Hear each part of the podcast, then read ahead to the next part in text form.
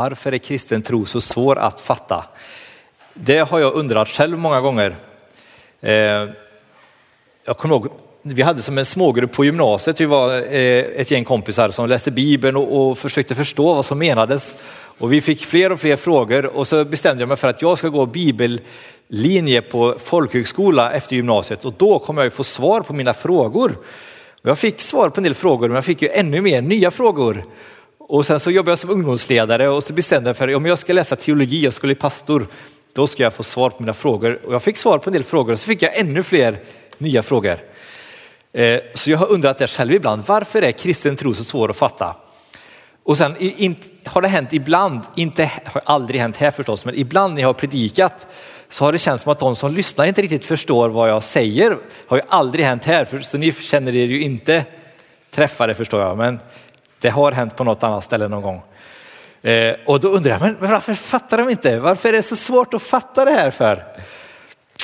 Eh, och då är det lite festligt att läsa i, ehm, i Bibeln hur lärjungarna, på flera ställen så förstår man att lärjungarna fattade heller inte riktigt vad Jesus sa. Det står så här till exempel i Lukas 18. Av detta begrep lärjungarna ingenting.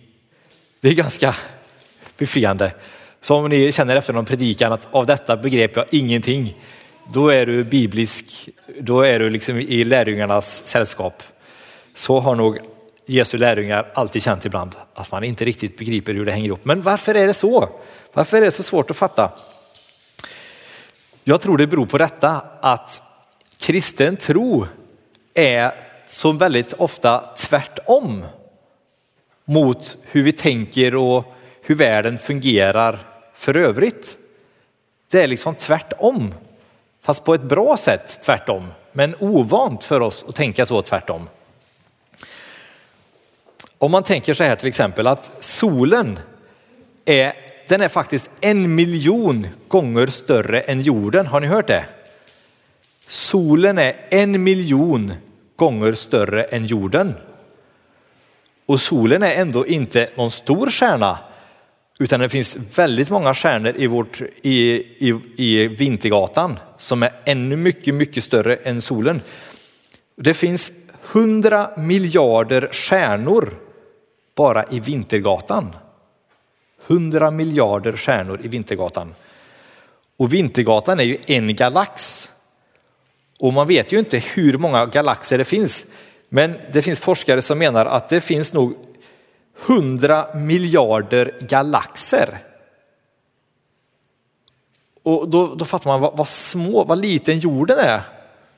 När solen är en miljon gånger större. och Det finns 100 miljarder stjärnor i Vintergatan och det finns 100 miljarder galaxer som Vintergatan. Och här sitter vi och tror på en Gud som är här, som har skapat allt detta. Då känner man att man har det ganska trångt här mellan öronen liksom. Man förstår inte riktigt detta. Och då är detta hisnande nog, men sen så blir det så väldigt tvärtom då när den här guden, den här väldige guden som har skapat allt detta ska visa sig för oss människor. Så kommer han till jorden som en bebis. Det är ju väldigt tvärtom, eller hur? Och sen när Jesus växer upp så är det samma mönster gång på gång på gång. Som till exempel hur han behandlar människor som är spetälska. Spetälska var en sjukdom ungefär som vi betraktar människor med aids idag. Det är liksom skamfullt. Och, och man undviker dem, man vill inte knappt ta i dem. Och så var det verkligen med de som hade spetälska. Det är samma sjukdom som lepra som, vi, som finns än idag tyvärr. Man gick omvägar och man såg inte ens på dem. Eh, men Jesus, han såg dem och han rörde vid dem och till och med botade dem. Det var ju väldigt tvärtom hur Jesus bemötte dem. Och sen en annan gång när det blev väldigt tvärtom, de var ute i ödemarken, Jesus hade tagit en ledig dag, men det fick han inte, utan eh, församlingsmedlemmarna sökte upp honom, eller på att säga. Det kom flera tusen folk till honom ute i ödemarken. och han pratade med dem hela dagen och de blev hungriga till slut. Ni känner ju igen detta. Och så sa lärjungarna att vi måste ordna mat. Och så var det Andreas, en av lärjungarna, som sa att titta här har vi en kille, han, han, har, han sa det nog inte så här, här har vi en pojke, titta han har två bröd och fem fiskar, eller om det var tvärtom kanske. Utan han, han skrattade nog åt det och sa, titta här, det är allt vi har, oj oj oj. Och liksom kanske hånskrattade åt den lilla pojken som kom där med sina små grejer. Men Jesus han tog det på allvar, han skrattade inte åt pojken och det lilla han hade. Utan han var, tack så jättemycket sa han säkert till pojken, vad bra att du vill ge det här till mig. Nu ska vi göra så att det blir mat till alla. Och så välsignar han detta och så blev det ett otroligt brödunder så att alla fick mat. Och där var ju Jesus väldigt tvärtom och liksom bemötte den här pojken med respekt med det lilla som han kom med och kunde göra någonting stort med det. Och en annan gång när han skulle gå in i Jeriko så var det massa folk som trängdes och alla ville prata med honom och man kan tänka sig att alla försökte bjuda hem honom till sig. Kom hem och fika hos mig och min fru hon har gjort en så fin lammstek som är hemma och väntar nu så kom hem och ät. vi bor i ett så stort fint hus och det finns plats för dig och alla dina lärjungar. Men Jesus verkade säga, nej men jag vet redan vart jag ska äta idag. Och så såg han att det var en ensam man där i mängden som dessutom hade klättrat upp i träd. Och så sa han till Sackaios, den värsta busen i stan verkar det som, att jag vill äta hemma hos dig idag. Och folk slog sig för pannan, men hur tänker han? Ja, det var verkligen tvärtom, att han bjöd hem sig till honom. Och så en berättelse som han berättar, där det var en judisk man som blev nedslagen och så gick det förbi en präst och en levit från templet och de hjälpte honom inte. Istället så kom det en samarier och hjälpte honom. Och det var ju otroligt starka spänningar mellan judar och samarier. Ännu värre än vad det är idag mellan judar och palestinier. Samarierna var verkligen avskydda och man ville inte alls gå in i deras område. Men i den här berättelsen så säger Jesus att Samarien fick hjälpa den här judiske mannen. Det var ju någonting helt tvärtom mot hur de tänkte annars. Och när Jesus skulle ge ett exempel på tro så sa han inte så här, ser ni där den här skriftlärde mannen eller kanske den här farisen farisén med lång mantel och långa tofsar och som står och ber i gathörnen som är så from. Där har ni ett ordentligt föredöme, så ska man vara när man ska tro på Gud. Utan istället så tog han fram som ett barn som kanske nojma. Så tog Jesus fram och så titta här är ett barn. Så här ska ni vara. Ni ska bli som barn. Vi säger ju fortfarande till barnen, jag säger ibland till, till mina barn, var inte så barnslig. Eller så säger man eh, väx upp, kanske man säger. Liksom. Men Jesus säger tvärtom till oss vuxna. Han säger inte till barnen, var inte så barnslig, bli vuxen. Utan han säger till vuxna, var inte så vuxen nu, bli som barn. Det var verkligen tvärtom. Att barnen kan vara ett föredöme istället, en förebild och ha mycket att lära oss.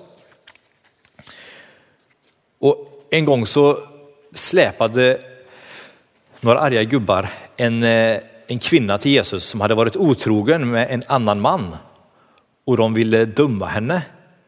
Men Jesus sa till henne att du får gå, du blir fri. Den som är utan synd får kasta första stenen. Och de som skulle döma henne, de blev istället dömda. Och hon som skulle dömas blev frikänd. Så otroligt tvärtom. Jag blir så glad när jag, inte över min egen predikan här, men jag blir så glad när jag tänker på vad fin Jesus är, eller hur? Så tvärtom han är. Vi, wow, vad spännande. Det är ju fantastiskt tvärtom på ett så väldigt sunt och bra sätt. Och när han skulle rida in i Jerusalem så var han ju liksom förväntad och hyllad av massorna som den som skulle komma och befria dem från förtryckarna och som skulle störta makthavarna från deras troner.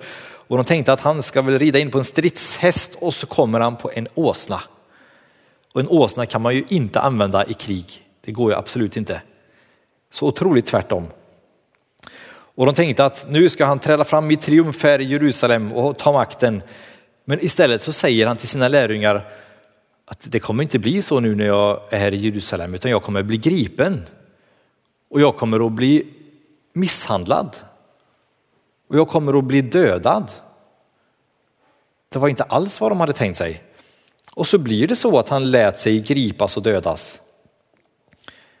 Men så vinner han istället en avgörande seger genom detta, genom att han dör, blir dömd till döden och blir dödad som en brottsling.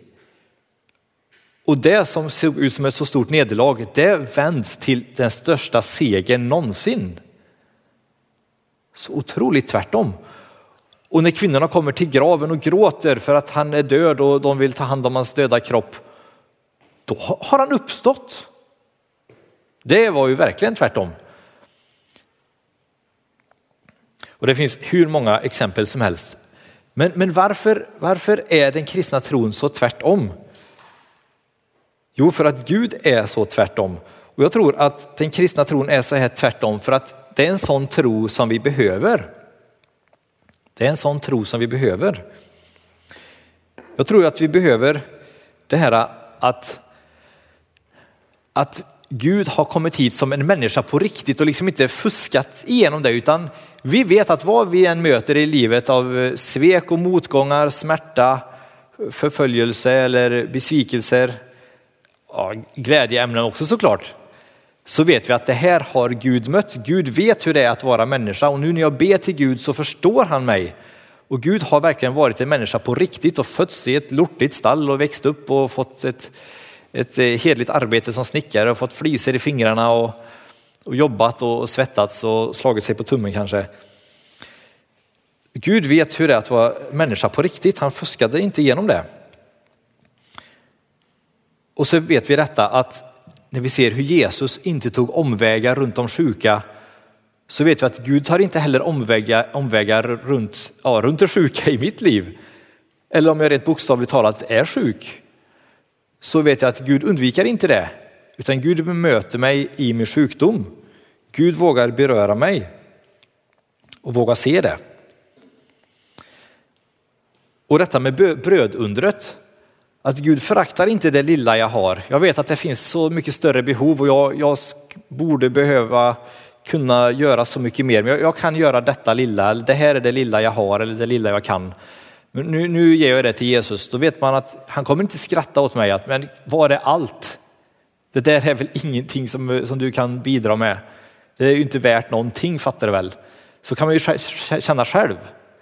Men så känner inte Jesus, så säger inte Jesus. Han är så tacksam för det lilla, pyttelilla som vi tycker att det är som vi bär fram till honom.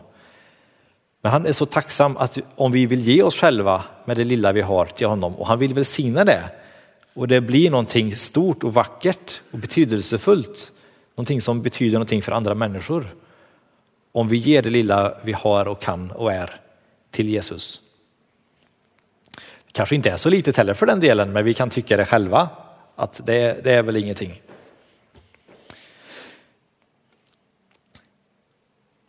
Och sen har vi detta med Samarien som hjälpte juden. Det är ju verkligen som ett, eh, en förebild från Jesus själv, hur tron får riva rasbarriärer. Att för Gud så spelar det ingen roll vilken hudfärg man har eller i vilket land man råkar vara född. Utan vi är ju alla syskon, vi har ju samma far. Alla människor, vi hör ihop. Vi får hjälpa varandra som i en familj. Och Jesus älskar verkligen barn och menar att barnen är en förebild.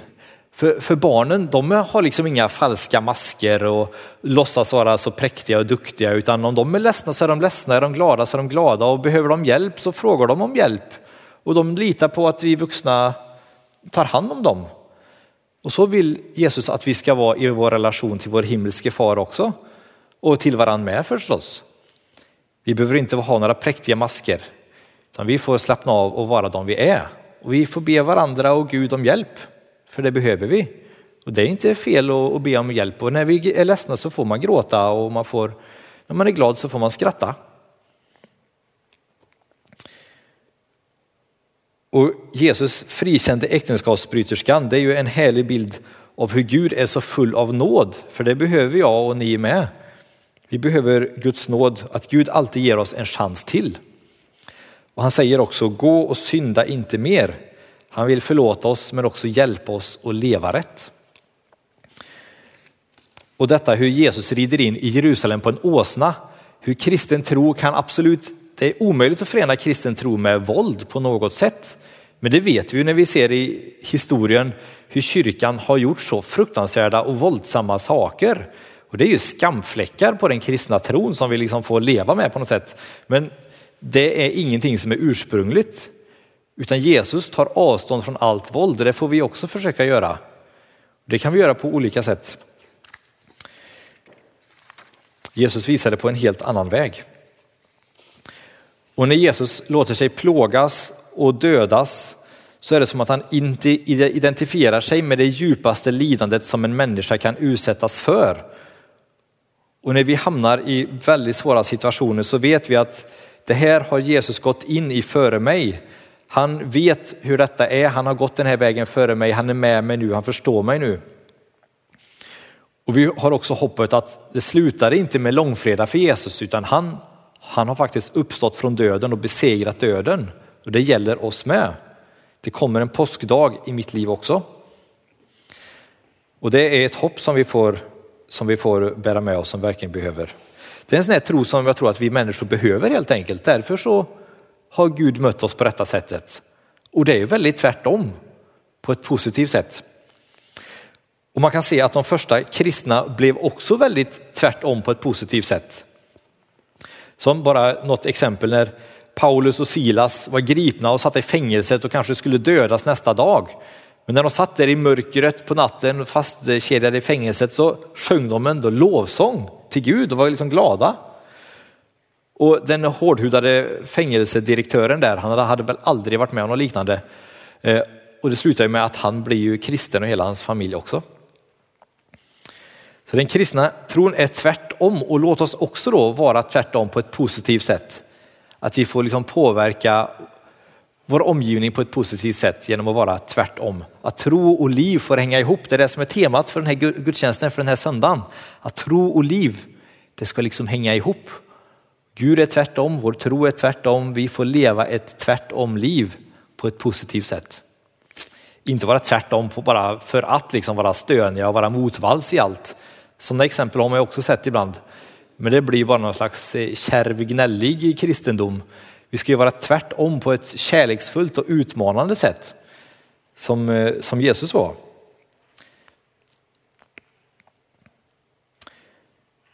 Jag tycker vi ber tillsammans.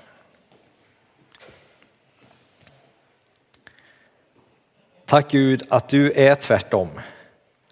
Och vi ber att du hjälper oss att vara tvärtom också på ett bra sätt. Hjälp oss att se hur, hur du liksom svarar på det som vi verkligen längtar efter och det som vi behöver som människor.